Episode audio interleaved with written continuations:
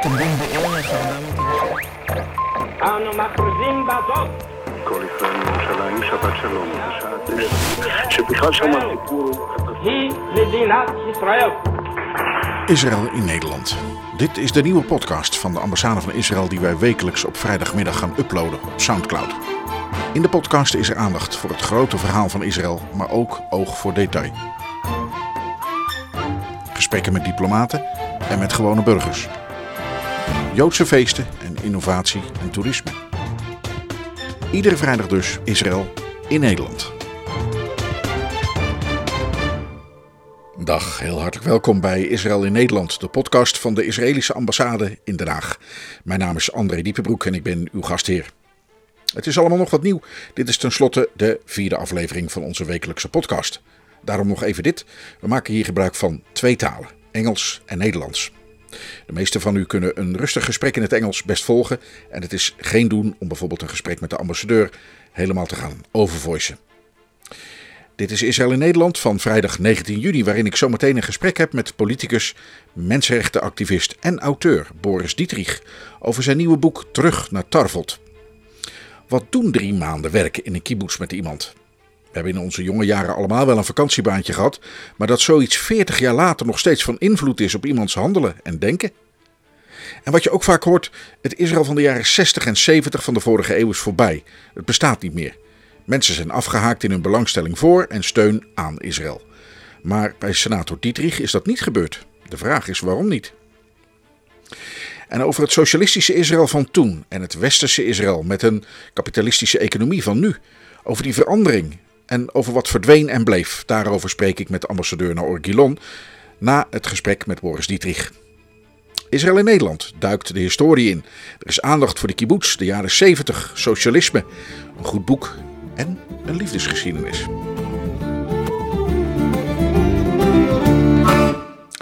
Boris Dietrich kennen we allemaal nog van de nationale politiek toen hij partijleider was voor D66 in de Tweede Kamer. Na zijn parlementaire jaren werkte hij in New York en Berlijn voor Human Rights Watch. En nu is hij senator voor D66. Behalve mensenrechtenactivist voor homorechten en politicus is Dietrich ook auteur. Onlangs kwam zijn nieuwe boek uit, een roman, Terug naar Tarvot. Het is een autobiografisch boek en speelt zich voor een groot deel af in het Israël van de jaren 70 van de vorige eeuw. Ik sprak Boris Dietrich bij ons in de ambassade en vroeg hem of het boek een persoonlijke terugreis is. Het is een roman, het is een liefdesgeschiedenis en die speelt zich af in 1977 in de kibbutz waar ik ooit in 1977 gewerkt heb. En die kibbutz die heet Dovrat en ik vond het eigenlijk wel een leuke uh, omkering door Dovrat Tarvot te noemen. Dus als je het op zijn Hebreeuws leest, lees je Dovrat. Dat is 1977. Uh, u beschrijft dat, hè, hoe u daar aankomt. In 1977 kwam met een uh, groep Nederlandse vrijwilligers, studenten, ik was toen uh, uh, 20 jaar geloof ik, 21, kwamen in Israël aan, werden opgehaald door de buschauffeur van de kibbutz.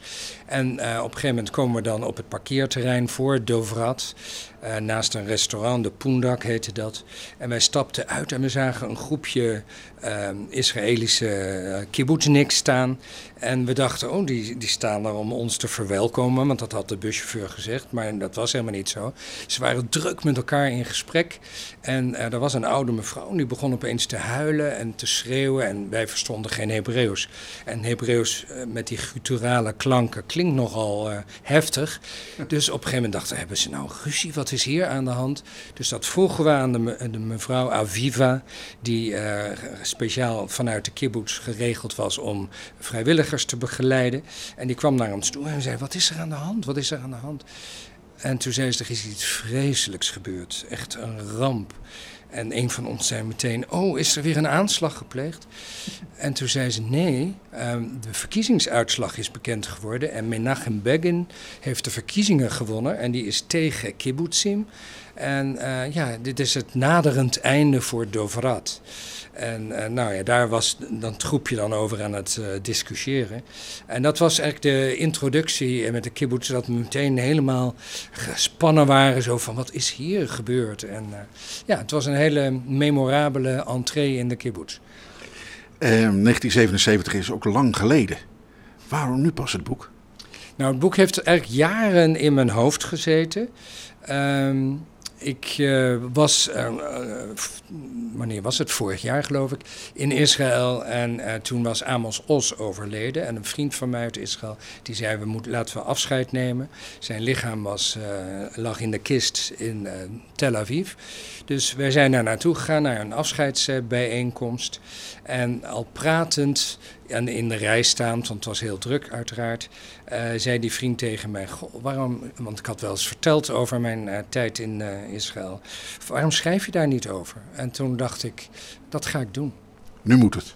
Nu moet het. Het zat al heel lang in mijn hoofd, maar ik moest ook de tijd vinden om het ook echt eens op te schrijven. En nou ja, ik had daar ook wat, ja, hoe moet ik dat nou zeggen? Ik wilde het in een bepaalde structuur in het boek brengt. Het is dus een raamvertelling in deze roman. En uh, nou ja, daar moest het allemaal in passen. En dat vergt gewoon wat tijd, maar het is wel goed gelukt. Even voor mensen die het misschien niet helemaal scherp hebben, wat is een raamvertelling? Een raamvertelling is, nou in dit, kan het, in dit geval is het zo dat ik een interview in het Algemeen Dagblad met een mevrouw heb gelezen. En die mevrouw die werkt voor het Rijksvastgoedbedrijf. En uh, zij heeft als taak als een soort detective, als er iemand is overleden en er is een erfenis, maar er is niemand die die erfenis claimt, dan valt dat in beginsel aan de staat toe. En het Rijksvastgoedbedrijf moet dan kijken van is er niet toch ergens een achterneef of een achternicht ergens te vinden. En die mevrouw moet dat uitzoeken. En um, ik had een interview met haar gelezen. Ik dacht, hé, hey, dat is wel heel interessant, zo'n beroep. Ik wil wel eens kijken hoe dat daar aan toe gaat. En zo heb ik een afspraak gemaakt met haar. In Den Haag zit ze, het Rijksvastgoedbedrijf. En zij nam me mee naar de kelder. En in die kelder uh, talloze stellages met allemaal verhuisdozen. Met namen van mensen erop en hun overlijdensdatum. En uh, nou ja, dat zijn als het ware haar kinderen, zoals ze dat noemt. En zij uh, gaat dan ja, op jacht naar erfgenamen. En toen dacht ik, oh, dat is wel een heel interessant verhaal. En in het boek um, heb ik haar dan opgevoerd en dat ze een doos pakt uit die stellage van iemand die is overleden. Uh, en in die doos uh, zit dan een dagboek en een manuscript en dergelijke. En dat manuscript is het verhaal van iemand die is overleden, maar die als vrijwilliger in 1977 in Israël in die kibbutz heeft gewerkt en daar van alles heeft meegemaakt. En zo, uh, ja. Rol je erin? Rol je erin. En het mooie vind ik zelf ook is dat het hart van het boek is dus Israël in 1977. En dan 40 jaar later uh, komen de hoofdpersonen elkaar weer tegen in Amsterdam en in Israël. En nou ja, zo is, is het boek eigenlijk helemaal rond. Um, Israël en Boris Dietrich, wat hebben die twee met elkaar? Ik was ontzettend uh, geïnteresseerd in Israël. Ik ben natuurlijk, uh, laten we zeggen, groot geworden in de jaren zeventig. Uh, opgegroeid op school. En toen hadden we natuurlijk net weer een oorlog gehad. En de hele school, iedereen stond als één man toen nog achter Israël. Dus dat, uh, ja, dat vond altijd al een heel interessant land. En toen ik in Leiden ging studeren, toen had ik uh, in mijn tweede jaar allemaal tentamens gedaan. Dus ik had echt maanden over. En we zouden pas eind september weer beginnen met het volgende studiejaar. Toen dacht ik, nou, die tijd wil ik gebruiken om naar Israël te gaan als vrijwilliger in een kibbutz te werken. En wat mij daar zo aansprak was ja, dat in een kibbutz mannen en vrouwen gelijk behandeld worden. Was zo'n hele ideologie. Kinderen worden in een kinderhuis opgevoed en niet bij de ouders thuis. Uh, we eten met z'n allen in een, in een uh, eetzaal. Niemand heeft een televisietoestel, want dan moet je naar de televisiekamer. Allemaal gemeenschappelijke dingen. Het was een beetje een socialistisch ideaal. En ik, ik vroeg me als student af, werkt dat eigenlijk wel in de praktijk? Dus dat was mijn reden uh, om naar Israël te gaan. En in mijn groep zaten een paar mensen die Joods waren, maar ook een paar mensen die eigenlijk gewoon een goedkope vakantie wilden. Dus alles bij elkaar. We waren met z'n negenen en zo trokken we dan naar Israël. Um, dan komt u in een kibbutz aan, Dofrat. Uh, viel het tegen uiteindelijk? Nee, ik heb echt een fantastische tijd gehad. Vandaar dat het ook altijd in mijn hoofd is blijven zitten. Heel veel meegemaakt. Overigens moet ik wel meteen zeggen, in Terug naar Tarvold, dat is echt fictie. Dus ik heb ook eh, karakters verzonnen en dergelijke. Maar eh, ja, er zijn een aantal dingen die echt gebeurd zijn, die ik dan ook weer in het boek verwerk en daar ook wel weer een beetje een draai aan geef. Maar eh, we begonnen dus met eh, die verkiezingsnederlaag of de overwinning van Menachem Begin. En in de kibbutz was dus een hele discussie. Hoe kunnen we de arbeiderspartij duidelijk maken wat voor fouten ze hebben gemaakt en wat kunnen ze daarvan leren? En op een gegeven moment is Golda Meir in eh, de kibbutz gekomen om daar met de kibbutzleiding over te praten. Nou, dat verwerk ik ook allemaal in het boek, hoe dat gegaan is, maar op een hele bijzondere manier. Ehm, was het inspirerend? Want drie maanden, nou, dan dompel je je toch wel echt wel onder in zo'n eh, ja, zo'n mini-samenleving eigenlijk, wat een kibbutz dan eigenlijk is. Ehm, was het iets wat, eh, nou, laat ik zeggen, u pakte? Absoluut. Ik heb eh, allemaal wijze levenslessen daar geleerd. Want ik had dus een beeld van eh, nou, prachtige idealen, gelijke behandeling, kinderen en dergelijke. Maar ja, dan zit je in zo'n microcosmos. Het is toch eigenlijk een soort commune. Een beetje afgezonderd van de rest van de Israëlische samenleving. Mensen erg op zichzelf. En in de landbouw werken. Er waren dus katoenvelden en boomgaarden en de kippenfarm. En noem maar op. En uh, als je daar dan wat langer rondloopt en werkt en opgenomen wordt in die gemeenschap, dan blijkt dat, uh, ja, dat mensen uh, ruzie hebben, dat er echtscheidingen plaatsvinden, mensen verliefd worden op een ander. nou ja, er gebeurt van alles. Er is ruzie over wie welk baantje mag doen. nou ja, allerlei verwikkelingen. Wat natuurlijk logisch is als je een groep mensen van ruim 200 bij elkaar zet en dan nog die vrijwilligers erbij. Uh, ja, dat er allerlei uh, spanningen ontstaan. Nou, ik vond dat buitengewoon fascinerend. Um, laten we het ons even proberen voor te stellen. Hè? Want u, heeft u ook uh, in de katoenvelden en de kippenfarm al die verschillende dingen gedaan? Nou, ik heb. ehm, het staat ook allemaal in het boek. Ik begon, eh, kreeg een prachtig baantje dacht ik uh, dat ik de eetzaal schoon mocht houden. En ze hadden een nieuwe machine gekocht en die, die maakte het nat. En die, ja, daar zat een soort trommelveger in. Dus je hoeft eigenlijk niet veel meer te doen dan achter de machine te lopen. Door die grote eetzaal om dan de vloer schoon te maken. En die machine werd Betsy genoemd. Um, en dus uh, toen uh, de baantjes uitgedeeld werden, zei ze: Jij mag met Betsy werken. En dacht, oh leuk, ik ben benieuwd wie die vrouw is. En Klinkt toen, Nederlands. ja, nou Betsy. Ik dacht, het is een Amerikaanse die in de kibbutz woont, maar dat bleek dus de machine te zijn. En Betsy was nogal gecompliceerd, want Betsy die had een eigen tempo. En daar moest je dus echt wel goed achteraan lopen. En dan was me uitgelegd, als het echt te hard gaat, kan je altijd een paneel open doen en aan een hendel trekken en op een knop drukken en dan stopt ze meteen. Nou ja, en ik wilde een hele goede indruk maken, dus op mijn allereerste werkdag al uh, dacht ik, ik moet laten zien dat ik heel snel werk en het goed kan. Een beetje uh, eerzuchtig van mezelf. En uh, ging er op een gegeven moment vandoor. en ik wist niet, oh, oh, wat moet ik doen? En ik erachteraan. Maar zij spoot dus ook allerlei zeep op de grond. En, en, en dan met die trommels eroverheen. Dus het werd spekglad en dus ik viel. En ik kon dus niet bij die hendel komen om maar stop te zetten. En zij zoefde door de open glazen deuren naar buiten van een bordes af. Viel op de grond en ik hoorde een soort hissend geluid. En toen was Betsy dood. En uh, binnen een mum van tijd stonden er allerlei kibbutzniks omheen. En oi, oi, oi, oi Want uh, Betsy was heel duur en de kibbutz had geen geld. En dan, ja, de, een vrijwilliger uit Nederland uh, die haar meteen kapot heeft gemaakt. Dus dat was niet een goede indruk die ik uh, gemaakt had. Dus daar begon ik en toen werd ik ook meteen overgeplaatst. Ze wilden mij niet meer in de eetzaal zien en dat was eigenlijk wel een geluk, want ik werd toen in de katoenvelden geplaatst. Dus ik heb toch wel 2,5 maand denk ik in de katoenvelden gewerkt, vond ik heerlijk de katoenvelden. Als u even uw ogen dicht doet, en dan heb je de tabor. Ik weet niet, ja. het ligt eraan welke richting je loopt. Die is dan rechts of links van je. Uh, beschrijft u eens, schildert u eens iets. Ja. Wat ziet u voor u? Wat ik voor me zie is uh, Ehm, vanuit de kibbutz reden we elke ochtend op, en dan om een uur of vijf uh, begonnen we al, want anders zou het te heet worden op de velden. Dus we gingen op een tractor zitten met een laadbak. En in het begin moest ik met andere vrijwilligers en kibbutzniks in die laadbak zitten. En dat hobbelde enorm. Dus in het begin werd je dan al uh, beurs en misselijk voordat je aankwam. Maar dan reed je dus over een soort zandpad met, met, met grote stenen daartussen.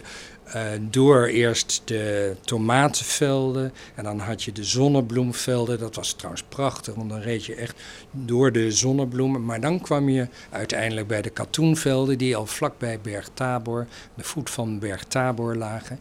En uh, ja, die planten kwamen tot iets boven heuphoogte.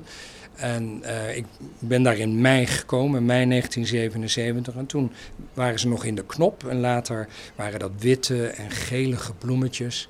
En uh, in die uh, katoenvelden, ja, uh, daar waren allerlei irrigatiepijpen die we moesten aanleggen en aan elkaar moesten draaien. En de kibbutznik met wie ik werkte, die had daar gaatjes in gemaakt. En uh, daar werd dan het water doorgepompt. En door die kleine gaatjes sproeide het als het ware in die uh, katoenplanten.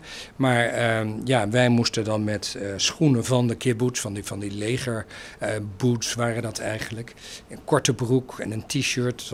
al negen uur was het al behoorlijk heet.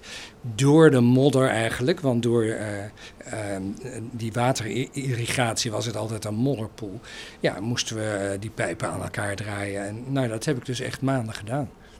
We zien het voor ons. Um, um, dat zijn dan drie maanden. En dan ga je terug naar Nederland en dan vervolg je de studie. En dan komt er allerlei werk. En de politiek kwam er uh, bij u ook nog achteraan. Wordt dat dan uitgewist allemaal? Nee, dat blijft opgeslagen. Uh, in mijn privéleven heeft het ook een hele uh, boeiende wending gehad. Want um, in 1982, dus dat is vijf jaar nadat ik uit de kibbutz was, maar het, het uh, Israël zat natuurlijk nog heel erg in mijn hoofd, heb ik mijn man ontmoet. En die komt uit Israël en die studeerde toen op de Rijksacademie in Amsterdam, kunstenaar.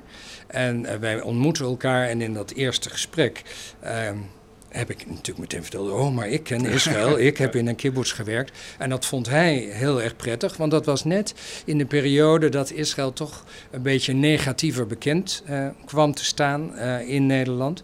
En hij uh, zich steeds moest verdedigen tegen mensen die dan zeiden, ja, maar die politiek, dit en dat. En waar hij het eigenlijk ook niet mee eens was met die politiek. Maar als Israëliër voelde hij zich heel erg natuurlijk verantwoordelijk verantwoordelijk voor het land en uh, vereenzelvigde, vereenzelvigde zich daarmee. Uh, dus hij kwam steeds in gesprekken te verdedigen uh, de politiek van Israël, terwijl hij het eigenlijk niet mee eens was, maar hij vond dat hij dat moest doen. En plotseling ontmoet hij mij en kreeg hij opeens een positief verhaal over Israël te horen. Dus dat was een mooie binnenkomer ja. en wij raakten in gesprek en dat zijn we nog steeds. Nou, um, uh, bent u daarna uh, in de politiek terechtgekomen. Um, D66, uh, Human Rights Watch. Dan heeft u Israël ook moeten verdedigen. Een beetje wat, wat uw man eigenlijk ook uh, meemaakte toen in de jaren tachtig, toen u u ontmoette. Ja, ik vind dat, nou moet ik al meteen zeggen dat ik het niet met alles eens ben uh, met de regering Netanyahu. Uh, maar er zijn ook debatten geweest toen ik in de Tweede Kamer zat, heb ik het over. Dat op een gegeven moment was er een motie ingediend, ik geloof, als ik me goed herinner, door de Partij van de Arbeid. Maar de, het was de opzegging van het associatieverdrag met Israël, omdat er weer iets gebeurd was ergens in Israël. En uh, ja, daar was ik het niet mee eens. Want ik zei, ja, uh, weliswaar is er een probleem. Maar in Israël zijn er ook een heleboel mensen die het daar niet mee eens zijn. En laat de democratie zijn werk doen. En uh, waarom moeten we nou meteen een heel land afstoten? Nee, je moet juist in dat land diegenen stimuleren en ondersteunen als ze dat nodig hebben, uh, waar je het mee eens bent. Nou ja, dus er was een hele discussie en dat werd een hoofdelijke stemming. Dat kan me nog heel goed herinneren, volgens mij was het in 2002. En uh, dan wordt er altijd een, een, letter geprikt van een achternaam en daar begon men. En men begon bij uh, Duivenstein. En Duivenstein zat dus net na Dietrich. En Adrie Duivenstein, Partij van de Arbeid, die werd helemaal verrast. Oh, ik moet. Dus die zei tegen Terwijl het de motie van de Partij van de Arbeid was. Dus hij had al tegengestemd. En dat was heel interessant, want dan werd het hele rondje al die 150 Kamerleden en het eindigde bij Dietrich. En het was precies 50-50. Dus mijn stem gaf de doorslag. En toen heb ik dus ook tegen die motie gestemd, want ik vond dat het associatieverdrag met Israël behouden moest blijven. En uh, daardoor is die motie uh, afgewezen. En dat heb ik nog steeds als een soort uh, heldendaad gevierd. Zo kijkt u er ook bij. Ja. Um, um, wat natuurlijk ook, uh, uh, we moeten natuurlijk niet alles over het boek gaan vertellen. Want de bedoeling is natuurlijk dat mensen belangstelling krijgen en het gaan lezen. Um, is uh, het, het, liefdesverhaal wat erin plaatsvindt. Dat heeft ook met, met uw hele lange staat van dienst op het gebied van homorechten te maken. Hoe kijkt u vanuit dat brilletje of vanuit dat perspectief naar Israël? Nou, ik vond het wel mooi. Ik heb een, een hele mooie recensie gehad in het NIW uh, over dit boek en een interview uh, daarover gegeven. En Esther Voet, die dat interview heeft gedaan, die haalde eruit, en dat vond ik eigenlijk wel mooi, een, geloof dat er boven staat een persoonlijke liefdesgeschiedenis of iets dergelijks. Um, ja, ik had in die tijd, ik was dus een student en ik was nog met een zoektocht bezig naar mijn eigen seksuele oriëntatie. En daar heb ik helemaal geen ruimte voor gevonden om ook maar met iemand daarover echt goed van gedachten te wisselen in die tijd in de kibbutz. Uh, en het leek ook wel of ja, iedereen hetero was. En nou ja, dus daar werd niet over gesproken. En ik vond ook niet de ruimte om het aan de orde te stellen. Uh, maar als ik nu, want ik kom eigenlijk elk jaar in Israël, als ik nu in Israël en door met name Tel Aviv dan loop, dan denk ik van zijn er nog wel hetero's bij wijze van spreken. Dus ik vind wel dat de samenleving erg open is gegaan in Israël in Tel Aviv moet ik zeggen. Want natuurlijk ook Israël heeft verschillende steden, verschillende delen. Maar uh, ja, daar is een grote verandering opgetreden. En is ook, als je het vergelijkt met andere landen in het Midden-Oosten, natuurlijk uh, uh, heel erg open ten aanzien van het onderwerp homoseksualiteit. Is Israël daar in, in het Midden-Oosten een soort witte raaf, bijna uniek? Ja, in zekere zin wel. Uh, van de andere kant uh, is het ook wel zo als puntje bij komt en het zou om wetgeving moeten gaan. Dat hebben we vorig jaar nog gezien. Dat uh, premier Netanyahu zegt ik ben voor een bepaald wetsvoorstel, maar dan moest er gestemd worden. En ja, dan wordt hij onder druk gezet door bepaalde coalitiepartners die dan weer heel erg tegen zijn. En uiteindelijk werd dat wetsvoorstel ging over adoptie door homoparen, wordt dan weer afgestemd. En ja, dus uiteindelijk als puntje bij komt worden er dingen nog niet gerealiseerd waarvan ongeveer de helft van de Israëlische bevolking vindt dat die wel gerealiseerd moeten worden. Maar als je het vergelijkt met, ik noem maar wat, Egypte of Libanon of Syrië, ja, dan uh, dat is geen vergelijking mogelijk. Um, terug naar Tarvot. Um, kun je zeggen dat die mensen die in een kibbutz hebben gezeten. Ook al is dat misschien helemaal niet zo lang. Nou, drie maanden is best lang, maar er zijn misschien ook wel vrijwilligers die veel korter gingen. En toch uh, hoor je altijd, zijn het, is het een bepaald soort mensen bijna, die, die er toch op een gegeven moment dan iets over zeggen of een, een hint geven. Is, kun je zeggen dat het een soort uh, netwerkachtig iets is, een soort ambassadeursgroep? Hoe ziet u dat? Wat mij opvalt is dat toen bekend werd dat dit boek gaat over Israël in 1977 en liefdesgeschiedenis in een kibbutz, hoeveel mensen opeens tegen mij zeiden: Oh, maar ik heb ook in een kibbutz gewerkt. En ook in 1977. En, nou, opeens van allerlei kanten krijg je dan verhalen van mensen te horen die uh, ja, overeenkomen met mijn eigen ervaringen. Want je bent dan uh, 19, 20 jaar en uh, ja, voor een lange tijd in een land wat heel spannend was. In mijn tijd in Israël eh, lifte iedereen bijvoorbeeld. Dus zo ben ik naar Dahab gelift in de Sinaï-woestijn, wat nog toen bij Israël hoorde. Later is dat aan Egypte teruggegeven. Maar eh, ja, dat was dus een hele bijzondere periode. En dat hebben een heleboel mensen zo ondergaan. En ja, dat vormt voor een deel je karakter. De dingen die je meemaakt, de levenslessen die je opdoet. En daardoor word je denk ik toch ook wel een soort ambassadeur van een land. Omdat je echt mensen hebt leren kennen met wie je bevriend bent geraakt. In mijn geval is dat makkelijk omdat ik elk jaar in Israël kom. Dus die vriendschappen kan onderhouden. En uh, ja, als er dan iets gebeurt, dan kan je ook soms een andere kant van een zaak belichten. Of als je kritiek hebt, weet je ook beter waar het over gaat. Um, heeft u dat, nou, heeft al iets verteld over uh, dat wetsvoorstel in de Tweede Kamer. Heeft u ook later nog uh, een, een, voorbeeld dat u dacht van, nu moet ik even iets bijsturen en dat u uw vinger opstak? Nou ja, ik heb eh, twaalf jaar lang in het buitenland gewoond. In na 2006, aan het eind van 2006, ben ik naar New York verhuisd met mijn man. We hebben daar zes jaar gezeten. Eh, en daarna eh, vanuit New York naar Berlijn verhuisd. Daar zes jaar gezeten en gewerkt voor Human Rights Watch. Ja, wat mij opviel in de Verenigde Naties. Ik ben ook voor Human Rights Watch regelmatig in Genève geweest bij de Mensenrechtenraad, de Human Rights Council. En eh, ja, daar eh, werd elke vergadering bij wijze van spreken eh, slecht over Israël gesproken. Terwijl de grote mensenrechten schenders, als ik noem wat China of Syrië of andere landen, die zaten dan zelfs formeel ook in de Mensenrechtenraad. Maar die wisten elkaar de hand boven het hoofd te houden, dus die kwamen niet op de agenda. Ja, daar heb ik wel bezwaar tegen gemaakt. Ehm, nu is het een liefdesverhaal. dat heeft u al eigenlijk eh, al eerder ook al gezegd. Ehm, ehm, en tegelijk ja, zei u ook, eh, het leek wel of, in, of homoseksualiteit in de kibbutz gewoon niet voorkwam. Dus ik kon er eigenlijk niks over zeggen. Hoe kan het dan toch een liefdesverhaal zijn? Omdat ik een schrijver ben, dus ik heb eigenlijk een karakter eh Erbij bedacht. Ja, waarvan ik dacht, goh, als ik dat toen... had ik zo'n man maar gevonden om daarover te praten en te, te sparren en te kijken wie ben ik en, en dat soort dingen. Dat had ik niet, dus die heb ik verzonnen. En daardoor... is het heerlijk om cijfer te zijn. Oh, heerlijk. Want ik was weer helemaal terug in 1977. Ik zag het ook allemaal voor me en ik rook het en ik hoorde eh, de krekels in de bomen en, en de katten die eh, voor je wegsprongen op die paadjes. De avocado's, de citroenen, de sinaasappels, noem maar op. En ik heb daar een, een hele liefdesgeschiedenis bij verzonnen. En het was weer alsof ik er zelf was. Maar op een andere manier. Heerlijk. Ehm, is er in het boek ook nog iets te vinden waarin u toch een soort lans breekt voor Israël? Of waarvoor u Israël eh, voor iets wil verdedigen of zo? Zit het erin? Nou, dat vond ik wel grappig in het NIW-artikel. eh, daar werd geconcludeerd, hey, er wordt op een, ook op een positieve manier over mensen in Israël gesproken. Het gaat verder helemaal niet over de politiek, behalve in 77 met het bezoek van Golda Meir en zo. Maar eh, vanuit de eh, optiek van een vrijwilliger die eigenlijk alleen maar in de katoenvelden werkt. Dus het is geen politieke verhandeling, maar een menselijk verhaal.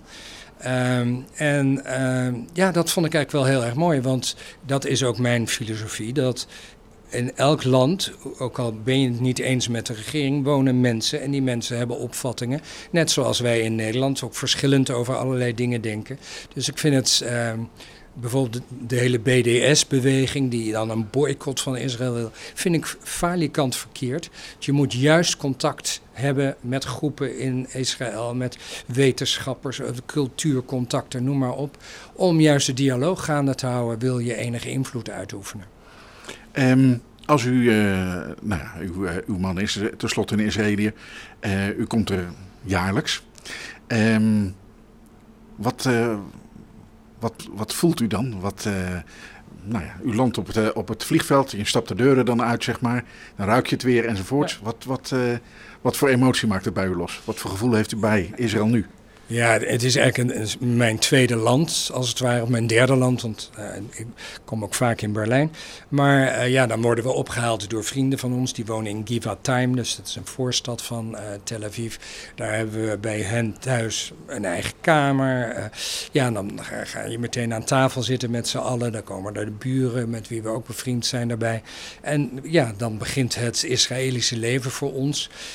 Ik heb heel veel inspiratie die ik in Israël opdoe als schrijver.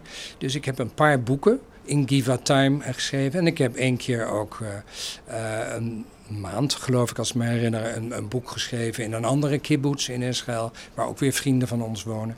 En eh, ja, dus Israël betekent voor mij inspiratie. Ik heb niet meer de dringende behoefte om weer naar Jeruzalem te gaan, of weer naar Akko, of weer naar eh, Caesarea, of wat dan ook. Dat hebben we allemaal wel een paar keer gezien. Dus ik kan me veel meer concentreren op de mensen en op Tel Aviv, wat ik een prachtige stad vind. Wij zijn, mijn man en ik zijn veganistisch. Nou, eh, Tel Aviv is echt wel de wereldstad qua eten, eetcultuur als het gaat over vegetariërs en veganisten. Dus dat is ook altijd een prachtig iets. Om, wij houden heel erg van wandelen. Dus dan gaan we s ochtends vroeg op pad. En dan lopen we echt uren tot we bij het strand zijn. En dan zitten we, komt ook allemaal in het boek voor, bij een parlement heet dat. Op Ben Gurion Boulevard is een soort koffieshop, een kiosk. Zit iedereen buiten met elkaar te kletsen en daar kennen ze ons. En daar komen dan opeens uh, mensen uit Nederland die al tig jaar in uh, Israël, in Tel Aviv wonen. En dan hebben we heerlijke gesprekken. Ja. Jeruzalem? Maakt dat ook iets bij u los? Ja, ik, wat ik bij Jeruzalem heb, al kom ik daar niet echt jaarlijks, moet ik toegeven. Uh, maar als ik daar kom, ja, wat mij zo fascineert is daar zit iets in de lucht. Al die religies die daar een claim op de stad hebben. En het zindert als het ware. Dus ik heb altijd het gevoel, als ik daar rondloop en dan naar de klaagmuur ga. dat er een soort verbinding is tussen het verleden, het heden en de toekomst. En dat is een, ja, een heel mooi uh, gevoel. En uh, nou ja, dus dat is uh, een sublieme vorm van inspiratie eigenlijk. Ik vind het ook een hele zware sfeer hebben. Dus uh, wat dat betreft vind ik het dan wel weer prettig om dan met de bus of de trein naar Tel Aviv terug te gaan. Omdat dat een veel lichtere stad is en ook aan de zee ligt en een prachtige boulevard en noem maar op. En de architectuur vind ik ook heel erg mooi, die Bauhaus-architectuur. Maar ja, Jeruzalem is wel een van de steden die in mijn top 10 staat. Wat hoopt u dat het boek los gaat maken bij het Nederlands publiek? Want het boek is voorlopig alleen nog in het Nederlands beschikbaar. Ja, nou ten eerste hoop ik dat het vertaald gaat worden in het Hebreeuws en in het Engels. Uh, maar ja, wat ik hoop is dat mensen genieten van uh, uh, ja, mijn schrijfstijl, de verhalen die ik vertel. Uh, en ja, de mensen die het gelezen hebben reageren heel positief, mooie recensies. Uh, dus ja, ik hoop dat het veel gelezen gaat worden. En uh, ja, de Nederlandse ambassadeur in Tel Aviv was bij de boekpresentatie aanwezig. Dat was online, dus dat klinkt allemaal heel groots, maar die zat gewoon achter zijn computer in Tel Aviv. Maar uh, ja, die heeft ook al gezegd van, goh, als je dan in Israël bent, dan gaan we iets organiseren voor de Nederlandse gemeenschap in Israël. Dat ik, uh, wat ik hier in boekenwinkels doe, uh, een beetje vertel over het boek en over die tijd in Israël en het uh, verschil van toen en 40 jaar later en hoe dat allemaal in dat boek is opgelost. Het heeft ook een beetje een thriller element, er zitten ook spannende elementen in. Nou ja, dat lijkt me dus heel erg leuk. Dus ik hoop dat het zoveel losmaakt dat ik uiteindelijk ook in Israël over het boek kan praten. In ieder geval heeft u het voor onze podcast gedaan. Dank voor dit gesprek. Heel graag gedaan. Ja, dat zei D66-senator Boris Dietrich. Naar aanleiding van zijn nieuwe roman Terug naar Tarvelt. Het is vrijdag, eind van de werkweek. Vanmiddag liep ik door de gang naar het kantoor van ambassadeur Naor Gilon. Ambassador, another week has passed. It's Friday again. Hello. Hi, hi. Well, uh, I heard uh, your interview with uh, Boris Dietrich to the podcast. Uh, as you saw at the end of uh, your interview, I came in. Unfortunately, we had a very short time together, maybe five, ten minutes. But as typical Israelis, so I can refer to him as an Israeli, uh, we immediately started talking and found the common denominators, the the relations, the connections to places, to people. So it's very typical of Israel as a very small country that everyone goes to military service. So everyone knows everyone. The network, we are nine million today, but still, it's like a, a, small, a small place. Like a fa- like a family in a way. Now, now is Dietrich, Senator Dietrich, is not an Israeli, but you found this common ground immediately, and it, he has only been like in. Uh, um, you know, in the 70s for three months in a kibbutz. So it has still an impact until this day. First of all, it clearly had an impact on him that he came so many years afterwards and wrote a book about it. So, yeah, I, I also have some, uh, you know, I was born 1964 and I still have nostalgia when I grew up to the special relations between our countries in the 50s, 60s, 70s, uh, where, you know, the kibbutz that Dietrich, where he went, uh, was like a magnet that p- took many of Europe, by the way, not only from the Netherlands, but the Netherlands was one of the leading countries sending to the kibbutz.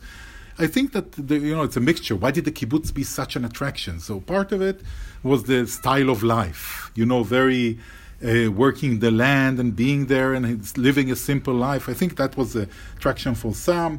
Uh, for others, maybe the socialist idea, because if you look at it, the kibbutz is really the best manifestation of socialism that was at the time, like living in a in a communa, as we call it, in commune, and and sharing everything and having the kids being uh, dealt with together and uh, getting the same salaries, very much equality and everything, and and maybe that's one of the reasons that the European left was very close to Israel at these days. Uh, and then, uh, the, you know, the year the, or the time that Boris uh, Dietrich arrived in Israel was 1977, the year of what we call the Mahapach, the the change in the government in Israel, where uh, from the establishment of Israel, uh, 1948, until 1977, the Labour Party was ruling Israel and very strongly. So leading, leading and ruling all the establishments, and the kibbutzim was were a big part of it. But then in 77 came the Likud, and there was a change of Israel. Uh, some years the Likud, some years the Labour some years together in, in, unity government, and gradually we also felt that we are losing the European left. So with the years, the European left uh, is not what it used to be as the biggest supporters really of Israel, probably. Uh, now we have different relations, more regular relations with parties and everything. I, I can say one thing that as an ambassador, I can only uh, long for these special relations uh, with the Netherlands of the 70s. And uh, the, by the way, many families were created, both in Israel and in the Netherlands. So people who married, Dutch and Israelis who married and continue living either in Israel and the Netherlands, we still meet them today, these couples. They are not as young as they used to be, but they're still here. So uh, as an ambassador, I can long to these great relations, although the relations today are good we have good relations between the Netherlands and Israel, and we can, I think, we have very little to complain about. On the contrary, but still, we don't have this very romantic uh, feeling of uh, togetherness that we had in these years. I, I, remember, for example, 1973, the Arab uh, oil boycott after the Yom Kippur War, where uh, the Dutch people decided that they will not surrender to the Arab boycott, and people had to leave their car at home once a week, and they did it willingly because they knew that they are doing it for a just cause, for support of Israel. So we are not there today, I think, but still, you know, uh, what can I complain about, really? Now, um, Israel lost in a way the left uh, in Europe, we can say, also in the Netherlands. Are there still today um, like aspects that uh, in, in in Israel, like subjects or topics or things that would be of interest for the left actually that they probably overseeing? Now, uh, first of all, Israel did not lose the left. We don't have the relations we used to have with the left. It's not in the same same level. But still, we have uh, countries. I started before in Italy. The center left government of Renzi was a very friendly government you look in Greece, Syriza, you know, you would say and these people are the ones who push the relations with Israel as much as anyone else there. So I, they are very good examples. It's not that we lost the left. I think that Israel still is a very, very interesting country for every uh, country for everyone. So everyone can find, I think, in Israel elements that uh, that are very, very interesting. We are still very, very capitalistic in one way and very socialistic in other ways. So it's it's a it's a strange uh, animal, uh, I think Israel. Uh, and so I think that the socialist elements are still behind, even though the country is as capitalistic as they come today. What are the socialistic elements? Or how would you describe it? Is it like uh, the solidarity amongst each other? Solidarity, taking care of the weak, uh, making sure that, uh, for example, everyone has uh, health insurance that is affordable, social uh, uh, social services that are affordable. So again, if you have more money, you get better service. We are a capitalistic country, but if you have no money, you still get reasonable service. And this is, you know, the minimum, the bare minimum is given to everyone, I think. And this is part of this tradition, but also of Judaism as seeing always from the Bible, taking care of the widow and uh, the, the widow uh, uh, and the weak. And this was always part of our way of thinking. And now we had a senator from D66, the left wing party in the embassy. So maybe good tidings. Yeah, well, we have also friends in D66. As you know, uh, Hanukkah, when we did the candlelighting, Sigrid Kach was the, the guest speaker.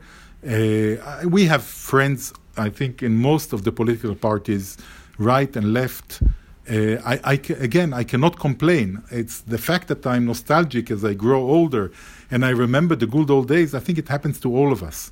But we have good relations between the Netherlands and Israel today. That's a good uh, start for the weekend, right? Yeah. Have a great weekend, everyone. Huh? Shabbat Shalom. En daarmee komen we aan het eind van Israël in Nederland van 19 juni 2020. Fijn dat u luisterde. Attendeert u ook vooral anderen op deze podcast, die dus iedere week op vrijdag aan het eind van de middag wordt geplaatst op ons Soundcloud-kanaal. En vergeet u niet volger te worden of u te abonneren. En dat kan dan weer via iTunes of Spotify. Zo blijft u steeds op de hoogte van wat we doen. Voelt u zich vrij om dingen uit onze podcast te delen met anderen of informatie eruit te gebruiken in andere media? Graag even ons als bron vermelden. Voor wat betreft Israël in Nederland, een goed weekend gewenst en graag tot volgende week.